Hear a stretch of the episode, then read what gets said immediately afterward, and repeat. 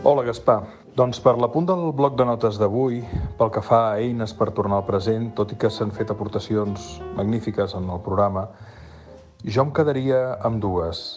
Eh, sense cap mena de dubte, la quietud i, en segon lloc, la contemplació.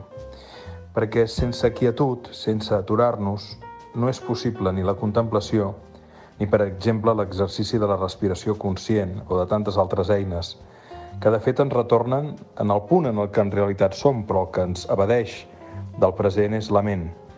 La ment que amb les seves cuites es projecta en el futur o que amb les seves angoixes i frustracions es eh, queda ancorada en el passat. La pràctica de la quietud és fonamental per molts àmbits. En primer lloc perquè sense quietud no pot haver-hi reflexió i sense reflexió no pot haver-hi aprenentatge de, de debò. En realitat, la porta a la saviesa arriba des de la reflexió o des de la il·luminació i com la segona part no és volitiva, no depèn de nosaltres, el que sí que depèn de nosaltres és l'exercici de la reflexió. També des d'aquesta quietud podem contemplar. Què podem contemplar?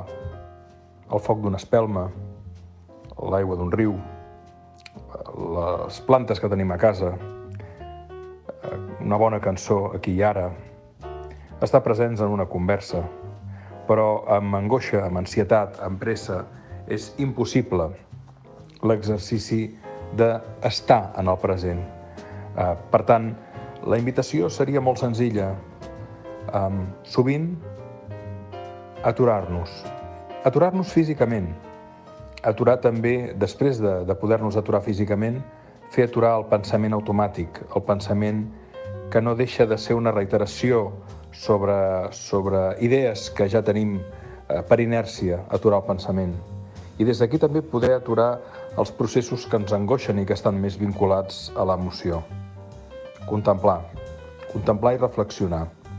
Això ens situarà molt en la presència.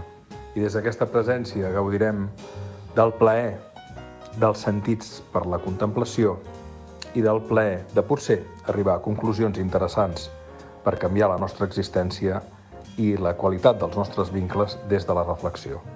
Quietud, contemplació i reflexió són les eines que suggeriria per estar en el present, per constatar, per viure la presència. Una gran abraçada.